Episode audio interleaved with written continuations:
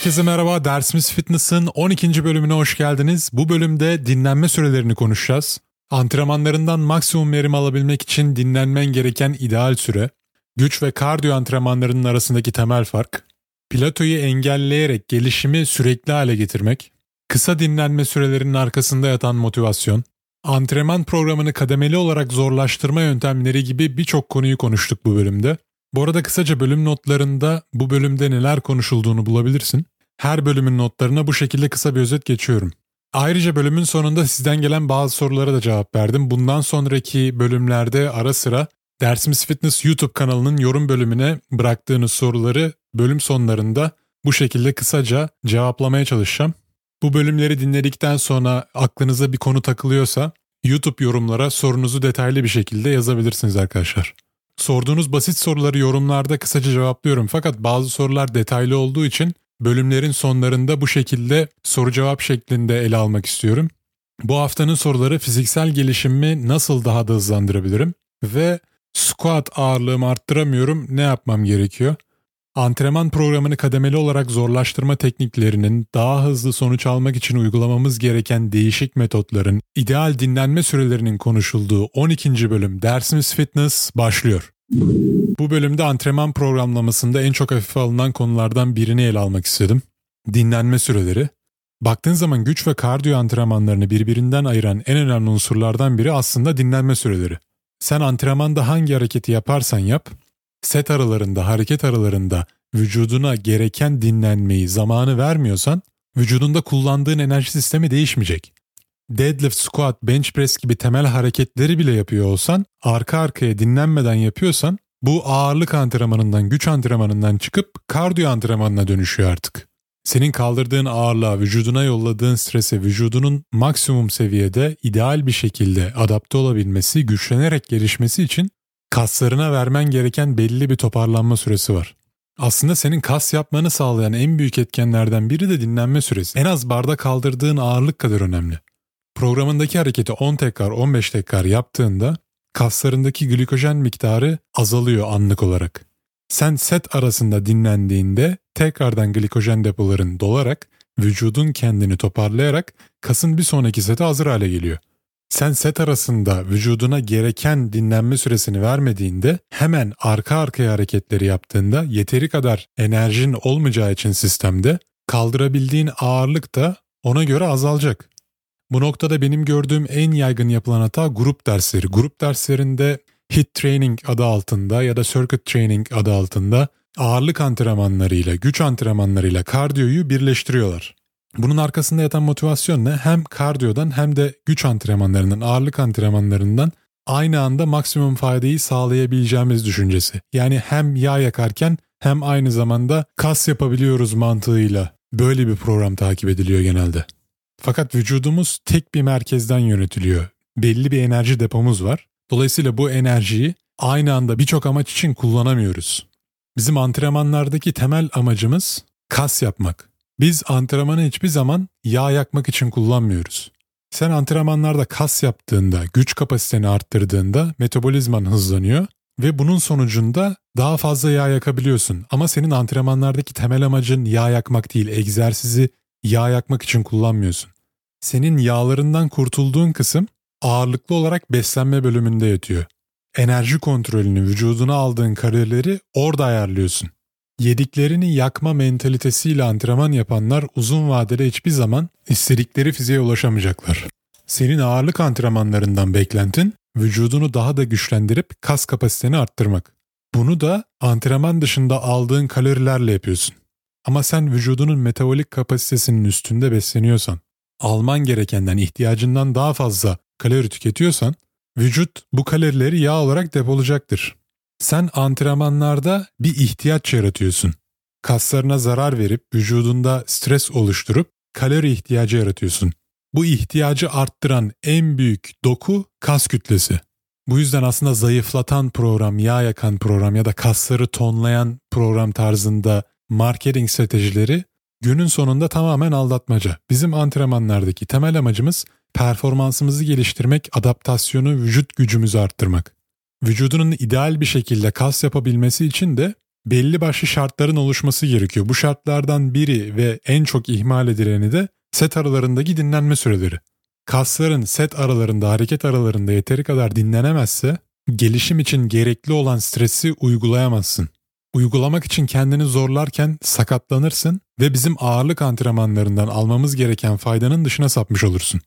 Yıllardır spor salonlarının içindeyim ama bugüne kadar dinlenme sürelerini adam akıllı takip eden çok az insan gördüm. Buna kendim de dahil. Genelde içgüdüsel olarak hareket ediyoruz. Antrenmanlarda zaten ya arkadaşınla muhabbet ediyorsun ya telefonunla meşgulsün. Set aralarında ya dinlenmen gerekenden çok daha uzun dinleniyorsun, vücudun soğuyor. Ya da toplu grup antrenmanlarındaki gibi egzersizleri arka arkaya yaparak, kendini hırpalayarak hem kas geliştirmeye hem de aynı anda yağ yakmaya çalışıyorsun. Şimdi zaten özel ders alan insanların kısa sürede güzel sonuçlar almasının sebeplerinden biri de bu. Antrenör antrenmanda yaptığı hareketlerin formunu takip ediyor. Programda ağırlıkları kademeli olarak arttırıyor. Antrenman programını farklı fazlara bölüyor. 3-5 haftada bir program belli aralıklarla değişiyor. Belli bir sistem dahilinde gelişiyor, evriliyor. Aynı zamanda en önemlilerinden biri set aralarındaki dinlenme süreleri sistematik bir şekilde takip ediliyor. Nedir ideal dinlenme süresi? Takip ettiğim programa göre değişir ama ideal dinlenme süresi 30 saniye ile 4 dakika arasındadır genelde. Antrenmandan almak istediğin sonuca göre değişir bu. Senin amacın dayanıklılıksa, performanssa biraz daha kısa dinlenme süreli yüksek tekrarlı antrenmanlar yaparsın ama amacın daha çok güç ve kuvvetini arttırmaksa, kaslarına güçlü bir adaptasyon sinyali gönderiyorsan glikojen depolarının tekrardan yenilenip kendine gelmesi zaman alacağı için bir sonraki sette tekrar ağır kaldırabilmek için zamana ihtiyacın olduğu için dinlenme sürelerinde dolayısıyla uzayacak. Şimdi spor salonlarında bir de şöyle profiller var. Bu profilleri size yargılamak için anlatmıyorum. Sadece eğer sen de bu hataları yapıyorsan ders alıp yapmaman için anlatıyorum. Bu hataları ben de zamanında çok yaptım. Şu an burada sizlerle paylaşmamın sebebi onu bunu eleştirmek, yargılamak değil, Sadece bu işin doğrusunu size anlatabilmek. İşte sürekli kardiyo yapar, antrenmandan önce pre-workout alır ya da kahve içer. Bütün bu dış etkenlerden kaynaklanan stimülerle birlikte, motivasyon müzikleriyle birlikte antrenmana gelir. Cinsiyeti önemli değil. Kadın olabilir, erkek olabilir. Çok zayıf olabilir, kilolu olabilir. Önemli değil. Ben mentaliteden bahsediyorum. Nedir antrenmandaki temel amacı? Nabzını yüksek tutarak, kendini paralayarak oradan oraya hareketleri arka arkaya tamamlar. Bu mentaliteye sahip olan insanlar genellikle iki farklı vücut tipine sahip. Ya işte zayıf, skinny fat, istediği kıyafetlere girebiliyor ama vücudunda kas yok, vücudu yumuşak, sıkı değil. Kadınsa mesela kalçası dolgun değil, istediği şekilde değil. Sadece beden olarak istediği bedene ulaşmış. Bir diğer profilde olması gerekenden daha fazla yağ kütlesine sahip. Bu şekilde kilo verebileceğini zannediyor. Doğal olarak sosyal medyada ya da internetten öğrendiği bilgi onu bu şekilde yönlendirmiş. Dolayısıyla kendini paralayabildiği ölçüde, ter atabildiği ölçüde zayıflayacağını düşünüyor. Şimdi bunu uzun süre yaptığında egzersizle aranda olan ilişki de bozuluyor aslında. Bir süre sonra olay yediklerini yakmak için antrenman yapmaya dönüşüyor. Kendini bir nevi cezalandırıyorsun aslında antrenmanlarda. Hatta bunu sosyal medyada şu şekilde paylaşan da çok görmüşsündür. İşte ilk başta bir tatlı yiyor, yemek yiyor, onun fotoğrafını atıyor hemen arkasından egzersiz yapıyor. Spor salonundan selfie atıyor kanter içinde bedeli ödendi yazıyor. Bu ne demek yani hani bedeli ödendi? Sen antrenmanda kendini cezalandırıyor musun? Yani kendini kırbaçlıyor musun? Hayattan keyif almak bu mu? Ya da ben ilk kez bunu duyduğumda çok şaşırmıştım. Antrenmanı bitirdikten sonra geçmiş olsun diyor. Ya geçmiş olsun ne demek abi biz antrenmandan sonraki enerjin antrenmandan öncesine göre daha yüksek değilse yanlış antrenman yapıyorsun zaten. Biz antrenmanı daha enerjik olmak için yapıyoruz kendimizi paralamak için değil, egzersizle aranda kuracağın sağlıklı ilişki bu şekilde olması gerekiyor. Şimdi buraya kadarki örnekler kısa dinlenme süreli yüksek nabızlı antrenmanların örnekleriydi. Bir de şöyle bir profil var. İşte hardcore bodybuildingçi ya da işte powerlifter. Avuç içine böyle tebeşiri sürer. Spor salonunda bir ağırlık kaldırır, bir set yapar, yarım saat oturur. Bazen bunlar tek takılır, bazen grup halinde takılırlar. Spor salonunda 3 saat 4 saat antrenman yaparlar yaptığı bir setten sonra nefes nefese kalır. Kardiyovasküler sistemi o kadar kötüdür ki, iç organları o kadar yağlanmıştır ki dışarıdan baksan güçlü kuvvetli bir adam gibi görürsün ama aslında çok sağlıksız, yine egzersizle olan ilişkisini çok yanlış bir şekilde kurgulamış bir arkadaştır aslında baktığın zaman. Bu işten para kazanıyorsan, yarışmalara katılıyorsan, profesyonel olarak yapıyorsan eyvallah. Ama burada bile takip edilmesi gereken belli bir program var. Yani hiçbir profesyonel bodyci, hiçbir profesyonel powerlifter bu şekilde antrenman yapmıyor. Yani sen olayın bir kısmını benimsemişsin, sevmişsin, güzel ama profesyonellik bunu gerektirmiyor. İşte bir de burada en çok yapılan hatalardan biri bodybuildingçilerin antrenmanlarına bakıyorlar. İşte go hard or go home, bas abi, yapıştır. Güzel tamam bodyci öyle antrenman yapıyor. Onun bunu oradan çektin. Kendi antrenmanını uyguladın. O şekilde sert antrenman yapıyorsun. Ama sen bodycinin ne kadar fazla uyuduğunu, ne kadar fazla beslendiğini, gün içinde ne kadar makro aldığını, ekstra ne kadar testosteron, hormon vesaire vücuduna soktuğunu görmezden gelerek sadece antrenmanını taklit edersen başarısızlıkla sonuçlanacak bu. O yüzden ben burada kimseyi eleştirmiyorum. Tekrar söylüyorum yanlış anlamayın. Ama ne yapıyorsanız işi kitabına göre yapın, kuralına göre yapın. Profesyonelleri örnek alıyorsan sadece antrenmanını örnek alma. Bütün yaşam stilini örnek al. Çünkü o şekilde ancak o profesyonelin ulaştığı başarıya ulaşabilirsin. Onun dışında sadece bir parçasını alıp hayatına uyguladığında ya sakatlanacaksın, ya sağlığından uzaklaşacaksın ya da boşa kürek çekeceksin yani. Hani başka bir şey olmayacak. Şimdi kas gelişimim durdu hocam. Bir süre istediğim gibi geliştim. Daha sonra bir ay iki ay sonra artık gelişemiyorum falan gibi yorumlar da geliyor. Tabi vücudun platoya uğradığında yapabileceğin bir sürü değişiklik var. Bunlardan biri de dinlenme süreleri. Bir sonraki antrenmanınızda bunu uygulayabilirsiniz. Normal git antrenmanını yap. Set aralarında ne kadar dinleniyorsan dinlen.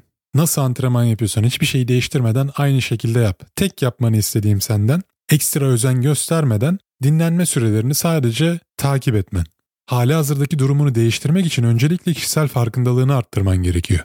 Farkındalık oluştuğunda ikinci aşama bu durumu kabullenmen gerekiyor. Değişiklik yapmayı kabullendikten sonra hatalı olduğunu kabullendikten sonra da fiziksel değişim gerçekleşecek zaten. Şimdi baktın hali hazırda ne kadar dinlendiğine şu an hangi profil olduğunu bilmiyorum. Çok az dinlenen bir profil de olabilirsin. Gereğinden fazla dinlenen bir profil de olabilirsin. Bak antrenmanında ne kadar dinlendiğine. Değneğin hangi tarafındaysan diğer tarafına doğru değişiklik yap. Arka arkaya yapıyorsan hareketleri çok kısa dinleniyorsan biraz daha ağır kaldırıp hareketleri biraz daha zorlaştırıp dinlenme sürelerini uzat. Çünkü zaten dinlenme sürelerin çok kısaysa yeteri kadar sert antrenman yapmıyorsun demektir. Adam akıllı vücudunu zorladığında zaten vücudun bir sonraki sete hazır hale gelebilmesi için belli bir süre geçmesi gerekiyor. Sen çok hızlı toparlanıyorsan büyük ihtimalle yeteri kadar zorlamıyorsun kendini zaten. Kaslarını yeterli miktarda dirence maruz bırakmadığında da gelişim gerçekleşmeyecek. Dinlenme sürelerini çok uzun tutuyorsan da ağırlıklarınla biraz oynayıp dinlenme sürelerini biraz daha kısalttığında vücudundaki değişimi göreceksin. Zaten bu ikinci bölümde antrenman programını fazlara bölmekten bahsetmiştik. Bulunduğun faza göre, kaldırdığın ağırlığa göre, tekrar aralığına göre dinlenme sürelerinde zaten otomatik olarak değişmesi gerekiyor. Çok ağır kaldıran, set aralarında uzun dinlenen biriysen ağırlıklarını yarı yarıya azaltıp dinlenme sürelerini yarı yarıya kısalttığında 30 saniyelere, bir dakikalara çektiğinde ağırlığı gerçekten ağır olduğu için değil de senin hafif ağırlığı vücuduna ağırlaştırdığın için antrenman yaptığında vücudundaki değişimi göreceksin. Hareketi zorlaştırmak için sadece bara daha fazla ağırlık yüklemene gerek yok. Ağırlığı %50 düşürüp ağırlığı kendine zorlaştırabilirsin. Tekniğine ekstra dikkat ederek, hareketin özellikle negatif kısmında vakit geçirerek. Buna time under tension tekniği deniyor. Yani kasın strese maruz kaldığı bölümü olabildiğince uzatıyorsun. Formuna ekstra dikkat ettin. Kaslarını alt pozisyonda iyice gerdirdin, üst pozisyonda iyice sıktın, bekledin. Hedeflediğin kas grubunu mükemmel bir şekilde izole etmek amacın. Kas zihin bağlantısını kuruyorsun. Nefesini ayarlıyorsun. Hareketin zor kısmında nefesini boşalttın, kolay kısmında nefes aldın. Bunların hepsi senin hareketle o aranda olan bağlantıyı kuvvetlendirerek kademeli olarak zorlaştırmana yardımcı olacak. Zorlaştırmak için sadece bara daha fazla ağırlık eklemene gerek yok. Hali hazırda takip ettiğin rutin neyse ilk önce bunun farkında ol, daha sonra bu rutinin tam tersini uygula. Sistemli bir şekilde antrenman programını fazlara bölmediğinde, dinlenme sürelerini, tekrar aralıklarını vesaire düzenli olarak değiştirmediğinde vücudun antrenmanlarda içgüdüsel olarak hareket edecek. Ben de uzun süre böyle antrenman yaptım. Spor salonuna gidiyordum. Ne çalışacağımı bile bilmiyordum. Oraya gide, gideyim de hani karar veririz. O an canım ne istiyorsa. İşte her gün farklı hareketler yapıyorum. Her gün farklı tekrar aralıklarında çalışıyorum. Hatta antrenmanın içinde bir ağır çalışıyorum, bir hafif çalışıyorum. Kafama göre yani hani o an nasıl hissediyorsam. Bu şekilde çalıştığında evet belki kas yapacaksın, vücudun buna adapte olacak ama bir süre sonra bir ay, iki ay, üç ay neyse bu genetik faktörler de burada işin içine devreye giriyor. Bu belli bir süre geçtikten sonra vücudun artık gelişim göstermemeye başlayacak. Bu yüzden antrenmanlarda ne yaptığını bilmek, antrenmana gitmeden önce programının belli olması, belli bir sistemi takip etmek seni platoya uğratmadan gelişimini sürekli kılacaktır. Vücut içgüdüsel olarak her zaman neye alışmışsa, ney doğal geliyorsa ona onu takip etmeye meyilli. Sen kasıtlı olarak bu rutine çomak sokmadığın zaman hani derler ya get out of your comfort zone diye bu konfor alanından çıkmadığın zaman gelişimin sekteye uğrayacak bir süre sonra. Bu dinlenme sürelerini, antrenman tekrarlarını vesaire takip etmek tıpkı kalori takibi gibi. Şu an kalorilerini de takip etmiyorsan mesela gün içinde ne kadar yediğini içtiğini bilmiyorsun. Ne yediğini ne içtiğini bilmeden ne kadar enerji tükettiğini bilmeden kas yapman ya da kilo vermen çok daha zor hale geliyor. Tamamen içgüdüsel olarak ne yaptığını bilmeden hareket ediyorsun. Antrenmanlarda odağı kaybetmemek çok önemli. Telefonla uğraşmamak, antrenmanına fokus olmak, zihin kas bağlantısını kurmaya çalışmak, formuna dikkat etmek vesaire vesaire. Ama eğer set aralarında böyle canın sıkılıyorsa hani ne yapacağımı bilmiyorum, dinlenemiyorum ben, hani yerimde duramıyorum böyle hiperaktif biriysen. Çünkü ben de uzun yıllar böyle antrenman yaptığım için set aralarında dinlenmek, böyle hiçbir şey yapmamak bazen zor geliyor bana da. Kulaklığınla bir podcast dinleyebilirsin. İşte belki bir sesli kitap dinleyebilirsin. Arkadaşınla antrenman yapıyorsan zaten set aralarında muhabbet ediyorsun, yeteri kadar dinleniyorsun vesaire. Ben mesela çoğu zaman evde antrenman yapıyorum. Şu an işte joglörlük öğrenmeye çalışıyorum. Böyle topları, 3 topu işte yere düşürmeden set aralarında bunu yapıyorum mesela. Ya da işte podcast dinliyorum vesaire. Hani sen de kendine böyle bir meşguliyet bulabilirsin eğer set aralarında sıkılıyorsan, dinlenmek sana zor geliyorsa. Hafif ağırlığı kendine ağırlaştırmaktan bahsettik. Bu çok önemli bir yetenek. Vücut geliştirmeciler bunu çok iyi yapıyor. Çünkü bu sporu uzun süre yapmak istiyorsan ağırlığı her zaman arttıramazsın. Eklemlerinde ağrılar oluşacak, sakatlıklar gerçekleşecek. Bu yüzden bazen hafif ağırlığı kendine ağırlaştırmayı öğrenmen gerekiyor. Dediğim gibi hareketin negatif kısmında time under tension'a dikkat ederek iyice esnetip kası sıkıştırarak dinlenme süreleriyle vesaire oynayarak hafif ağırlığı kendine daha ağır hale getirebilirsin. Kompleks hareketlerin tekniğini çalıştırıyorken bu metot aslında mükemmel. Deadlift, squat, bench press, overhead press, row gibi multi-joint çok eklemli hareketleri yaparken hafif ağırlık kullanıp bunu kendine ağırlaştırarak yaptığında hareketin tekniğini, formunu çok iyi bir şekilde pratik yapıp öğrenebilirsin. Çünkü bu hareketler görüldüğü kadar basit değil. Birçok şeyi aynı anda uygulaman gerekiyor vücudunda. Sinir sisteminin buna adapte olarak gelişmesi zaman alıyor ister istemez. Ben yıllardır squat deadlift yapıyorum. Hala da tekniğimi iyileştirdiğimi hissediyorum. Ya bu Stephen Curry'nin hala üçlük çalışması gibi bir şey. Baktığın zaman üçlük yani basit bir şey. Ama pratiği hiçbir zaman bırakmıyorsun. Ne kadar fazla pratik yaparsan o kadar iyi hale geliyor. Bunun bir sonu yok yani. Genellikle dinlenme sürelerini değiştirmek en zor şeylerden bir tanesi. Bunlardan en kolayı hareketleri değiştirmek. Genelde her antrenmanda farklı hareketler yapıyoruz. Hareketleri değiştirmek bize çok kolay geliyor.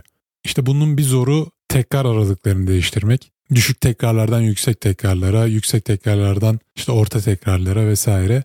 Bunları değiştirmek hani biraz daha işin içinde olan insanlar, tecrübeli insanlar bunları da yapıyor. Ama dinlenme sürelerini değiştirmek gerçekten nedense bize çok zor geliyor. Antrenmanlarınıza kendimi bir şekilde meşgul tutayım da nasıl olursa olsun mentalitesiyle yaklaşmayın. Sadece dediğim gibi en başta kalori yakmak için antrenman yapmayın. Bizim antrenmandaki temel amacımız yaptığımız harekete bağlı olarak o hareketin formunu, tekniğini vücudumuza öğreterek sinir sistemimizi geliştirmek, kaslarımızı güçlendirmek. Proprioception denilen vücudunun elinin, kolunun, bacağının boşlukta nasıl hareket ettiğini algılamayı öğreniyorsun aslında. Sinir bilimciler bunun testlerini yapıyorlar mesela senin sinir sisteminin ne kadar güçlü olduğunu görmek için, herhangi bir sıkıntı olup olmadığını görmek için bunu hemen sen de uygulayabilirsin. Gözlerini kapat, kolunu kendinden uzaklaştırabildiğin kadar uzaklaştır. Kolun yere paralel şekilde konumlanmış durumda. Dediğim gibi gözlerin kapalı işaret parmağını burnuna doğru getiriyorsun. Tam olarak burnunun ucuna dokunmaya çalışıyorsun. Dokundun, ondan sonra tekrar uzaklaştırıyorsun kolunu. Tekrar aynı noktaya dokunmaya çalışıyorsun. Bunu denediğinde o kadar da kolay olmadığını göreceksin. Her seferinde aynı noktaya dokunmak yani vücudunun gözlerini kapattığında boşlukta nasıl hareket ettiğini algılamak bir yetenek aslında. Ve ağırlık antrenmanları bunu çok güzel geliştiriyor. O yüzden antrenman programlarındaki hareketlerin her birine bir yetenek, bir skill olarak bak ve o hareketleri olabildiğince düzgün formla yaparak sinir sistemini geliştirmeye çalış, o hareketi vücuduna en iyi şekilde öğretmeye çalış. Amaç sadece A noktasından B noktasına gitmek değil. A noktasından B noktasına nasıl gittiğin, ne kadar zamanda gittiğin, eklemlerinin konumu, kaslarının kasılması, nefes alıp verişin, hareketin temposu bunların hepsi adaptasyon için önemli. Şimdi sizden gelen sorularla devam edecek olursak ilk soru şuydu. Gelişimimi nasıl daha da hızlandırabilirim? Şimdi benim burada gördüğüm yapılan yine en yaygın hatalardan bir tanesi adam zaten gelişiyor tamam mı? Sistematik bir şekilde yavaş da olsa vücudu değişim gösteriyor ama onun istediği daha da gelişmek. Şimdi daha da gelişmek için hali hazırda sonuç aldığın aktiviteleri daha da arttırdığında bu sefer daha az gelişmek yerine aksine gelişimini yavaşlatacaksın. Eğer zaten şu an yavaş da olsa bir şekilde sonuç alıyorsan, ilerliyorsan devam et. Tabii ki gelişimin durduğunda az önce bahsettiğim işte antrenmanındaki değişiklikleri uygulayacaksın. Set tekrar aralığı dinlenme vesaire. Ama zaten bir şey işe yarıyorsa yarıyordur yani. Hani bunu daha da kurcalamanın, dozu daha da arttırmanın sana getireceği bir fayda yok. Mesela platoya uğradığında yapabileceğin değişiklikler ne olabilir? Diyelim ki bulk yapıyorsun. Yani aldığın kalorileri sistemli bir şekilde yavaş yavaş arttırarak kas kütleni arttırmaya çalışıyorsun. Hormonal dengeni düzene sokmaya çalışıyorsun. Doğru şekilde nasıl bulk yapılır 7. bölümde detaylı bir şekilde açıkladım. İşte diyelim bulk yapıyorsun bir süre sonra artık fazla kalori tüketmene rağmen gelişim göstermemeye başladın. Hatta aldığın kalorileri vücudun tolere edememeye başladı, yağlanmaya başladın. Ne yapman gerekiyor? Ya da diyelim definasyondasın yavaş yavaş sistemli bir şekilde kalorilerini azaltıyorsun. Yağ yakmaya çalışıyorsun. Ama bir süre sonra vücudun artık tepki göstermemeye başladı. Kilo verememeye, yağ yakamamaya başladın. Ne yapman gerekiyor? Şimdi bu tarz durumlarda süreci mini bulk, mini cut denilen kısa periyotlarla çeşitlendirmemiz gerekiyor. Yani ne demek istiyorum? Diyelim 3 hafta 4 hafta takip ettiğin bulk programına bir hafta ara verip mini cut yapıyorsun. Ya da aynı şekilde 3 hafta 4 hafta boyunca defisit yapıyorken yani kasıtlı bir şekilde metabolizmandan daha az kalori tüketiyorken bir hafta mini bulk yapıyorsun. Yani metabolizmanın tolere edebildiğinden daha fazla kalori alıyorsun. Bunu yapmamızdaki temel sebep şu. Vücudumuz tıpkı antrenmandaki tekrar aralığı gibi, dinlenme süreleri gibi beslenmemize de aldığımız kaloriye, enerjiye de adapte oluyor. Platoya uğramadan gelişimimizi sürekli kılmak için kısa periyotlarla mini bulk mini cut yapıyoruz aralarda. Bu bir haftanın ardından tekrardan eski sistemine geri dönüyorsun. Yani her 3 haftada 4 haftada bir kat takip ediyorsan bulk, bulk takip ediyorsan kat yapıp sonra tekrar eski düzenine geri dönüyorsun. 3'e 1, 4'e 1 oran. Şimdi gelişimin durduysa yaptığın hatalardan bir diğeri overtraining olabilir. Yani bu sorunun başında dediğim gibi güzel bir gelişim görüyorsundur, motive oluyorsundur. Diyorsundur ki ha ben buradan gelişim sağlıyorum, bu antrenman bana yarıyor. Bunu daha fazla yaparsam daha hızlı gelişirim gibi bir mantık oluşuyor ister istemez kafanda. Ama vücudunun belli bir toparlanma kapasitesi var. Bunun sınırlarını çok fazla zorladığında gelişimin duracaktır ya da geriye gidecektir. Bu yüzden bazen antrenmanın sıklığını, yoğunluğunu ya da şiddetini azaltmak sana fayda getirebilir. Ne oluyor bunu yaptığında vücuduna soktuğun enerjiyi vücudun daha mantıklı bir şekilde kullanıyor. Yani şöyle düşünebilirsin. Harcadığın enerjiyi para olarak düşün. Sen fiziksel olarak her hareket ettiğinde, her fazla antrenman yaptığında bu paradan harcıyorsun. Yani antrenmanlarını harcama olarak, beslenmeni de gelir olarak düşünürsen gelir harcama dengesini bulduğun zaman gelişim ve değişim gerçekleşecek. Bu yağ yakımında da aynı şekilde, kas yapımında da aynı şekilde. Gelişimin sekteye uğradıysa uykuna bakabilirsin. Uykunda problemler olabilir. Düzenli antrenman yapanların günde 8 saat uyuması şiddetle tavsiye ediliyor. Yağ yakımı, kas gelişimi, stres hormonlarının düzenlenmesi, melatonin yani daha birçok hormon uyku sürecinde düzenleniyor. O yüzden düzenli uyku özellikle de gece uykusu çok önemli. Ya bir de bu soruyu şunu söyleyerek kapatmak istiyorum. Bu süreçte zirveyi görmeye çalışmayın. Yani zaten iyi giden bir şeyi daha da iyileştirmek için, daha da arttırmak için uğraşmayın. Bu bir maraton, inişleri çıkışları olan bir maraton.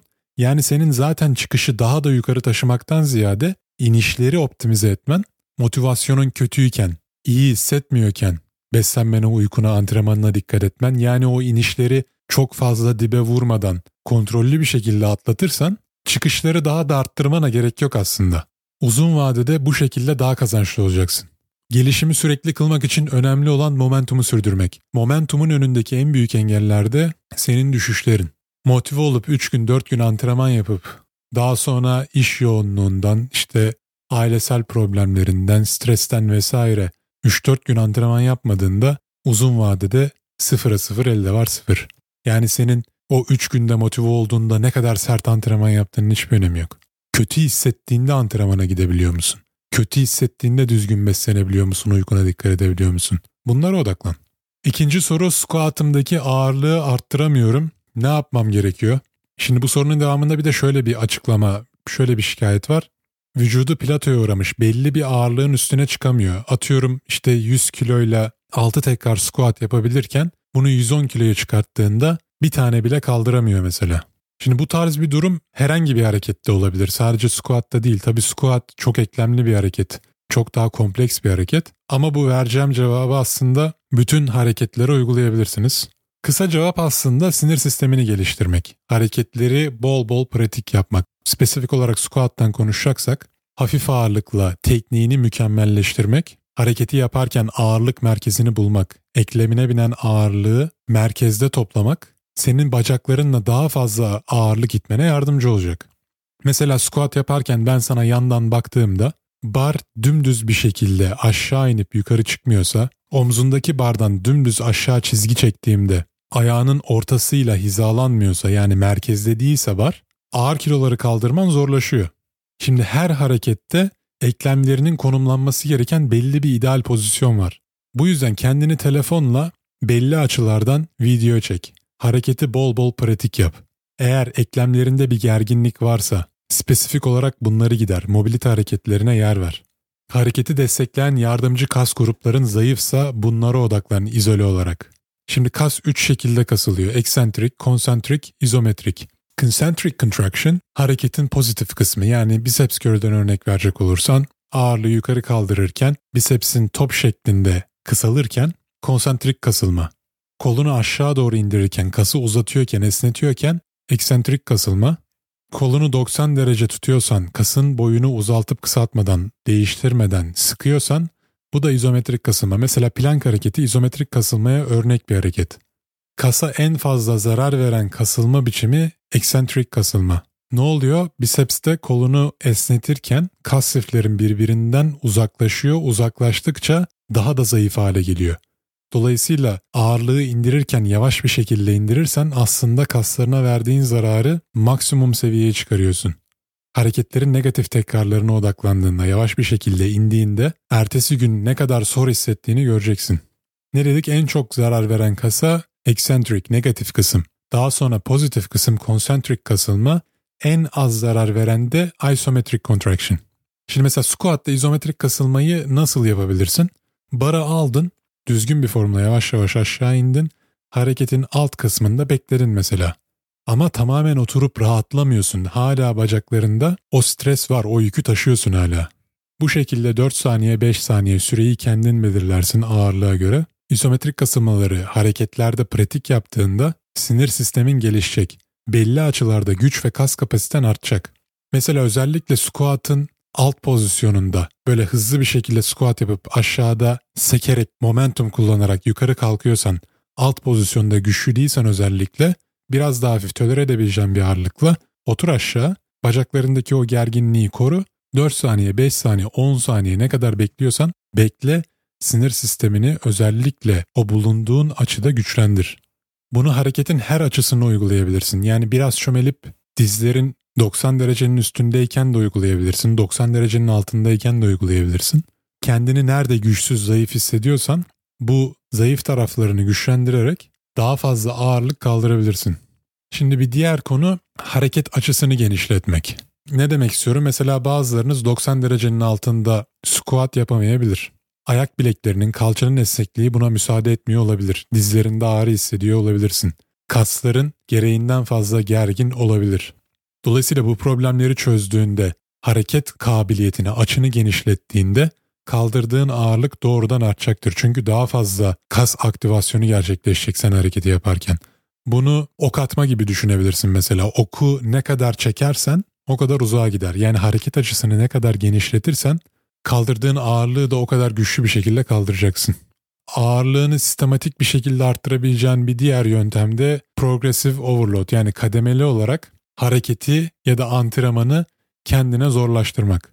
Şimdi progressive overload denildiğinde genelde insanların aklına hemen ağırlığı arttırmak geliyor. Ağırlığı arttırmak evet kademeli olarak zorlaştırma yöntemlerinden bir tanesi ama tek bir yöntem değil. Temel olarak antrenmanın sıklığını, volümünü ve şiddetini ayarlayarak yapıyorsun aslında bu progressive overload'u. Nedir yani hafta içinde daha sık antrenman yapıyorsun.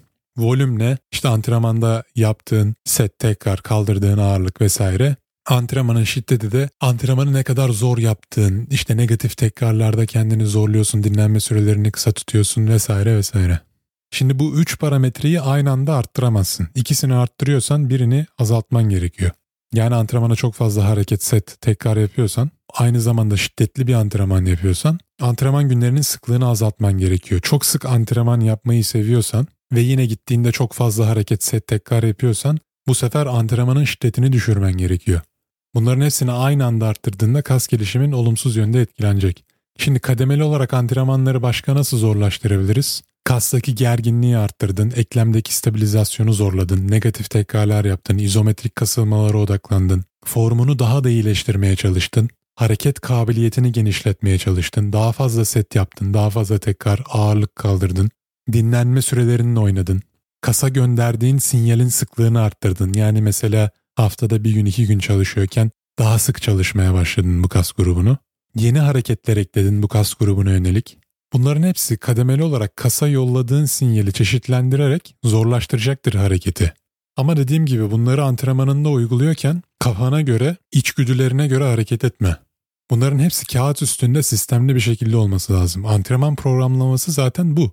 Dediğim gibi en çok yapılan hatalardan bir tanesi kademeli olarak zorlaştırmak için sadece ağırlığa odaklanma. Yani nereye kadar ağırlığı arttırabilirsin? Tamam platoya uğradın ağırlığı arttırıyorsun. Platoya uğradın ağırlığı arttırıyor. E yani bir süre sonra kaldıramayacağın bir pozisyona gelecek. Eklemlerin çok fazla zorlanacak, strese maruz kalacak. Sakatlık yaşama ihtimalin artacak, gelişimin ister istemez yavaşlayacak. O yüzden bu bahsettiğim diğer kademeli zorlaştırma yöntemlerini de değiştirerek antrenman programına eklemeyi unutma. Eklemlerinde ağrılar hissediyorsan, yoğun kas ağrıları çekiyorsan dinlenmene ekstra önem ver. Mobilite antrenmanları yap, yürüyüşler, uykunu düzene sok. Soğuk duş alabilirsin, saunaya girebilirsin. Yani sıcak ve soğuk uygulaması yapabilirsin. Beslenmendeki proteini arttırabilirsin. Bunların hepsi senin kas toparlanmana yardımcı olacak. Şimdi yine spesifik olarak squat hareketindeki ağırlığı arttırmaktan bahsediyorsak yani soru çünkü bu yardımcı hareketler şunlar olabilir. Box squat. Nedir box squat? Squat yaparken bir platformun üzerine oturuyorsun. Oturduğunda vücudunu rahatlatmıyorsun, salmıyorsun, gerginliği koruyorsun. Kalçanı bu platformun üzerine koyduktan sonra kalkıyorsun. Bench koyabilirsin, bir box koyabilirsin, herhangi bir platform koyabilirsin, sandalye koyabilirsin neyse. Buraya oturup daha sonra tekrar kalkıyorsun. Buradaki amaç oturduğun pozisyonda da gerginliği korumak. Yine aslında bir nevi izometrik kasılma mantığı. Trap bar deadlift yapabilirsin. Özellikle hareketin negatif kısmında yavaş yavaş inerek ya da hareketin orta kısmında ağırlığı taşıyarak kaslarını sıkarak merkezi sinir sistemini kas zihin bağlantını güçlendirebilirsin. Pause squat'tan bahsettim. Aşağı doğru oturuyorsun. Alt pozisyonda birkaç saniye bekledikten sonra tekrar yukarı kalkıyorsun. Direnç bantlarını kullanabilirsin. Squat yaparken direnç bandının bir ucunu bara bağlayıp bir ucunu yere tutturduğunda sen çömelip kalkarken yukarı kalktıkça banttaki gerginlik artacağı için hareket daha da zorlaşacak ya da bunun tam tersini yapabilirsin. Direnç bandının bir ucunu bara bağlayıp bir ucunu yukarı bağlayabilirsin. Sen aşağı indikçe bant sana daha fazla yardım eder. Yukarı çıktıkça ağırlık daha çok omuzlarında olur. Sonuncusu ama en önemlisi squat'ta ağırlığını arttırmak istiyorsan genel olarak kor kuvvetini arttır. Vücudunun merkez bölgesi ne kadar güçlü olursa hareket boyunca seni o kadar destekleyecektir ne kadar stabil olursan kaldırdığın ağırlık da doğrudan artacaktır. Güçlü kor kasları başta çok eklemli hareketler olmak üzere birçok harekette sana yardımcı olacak. Evet bu bölümün de sonuna geldik. Arkadaşlar hepinize ilginiz için çok teşekkür ediyorum. Sizle ara ara podcast indirme sayılarını da paylaşmak istiyorum. 10. bölümde 1000 civarındaydık. Şu an 3000 civarına yaklaştık. Kanal gerçekten çok hızlı büyüyor. YouTube'da göstermiş olduğunuz ilgi alakadan dolayı da çok teşekkür ediyorum. Siz bu bölümü belki yarım saat, 40 dakika, bir saat ne kadarsa o kadar dinliyorsunuz ama bunun arkasındaki hazırlık gerçekten uzun vakit alıyor.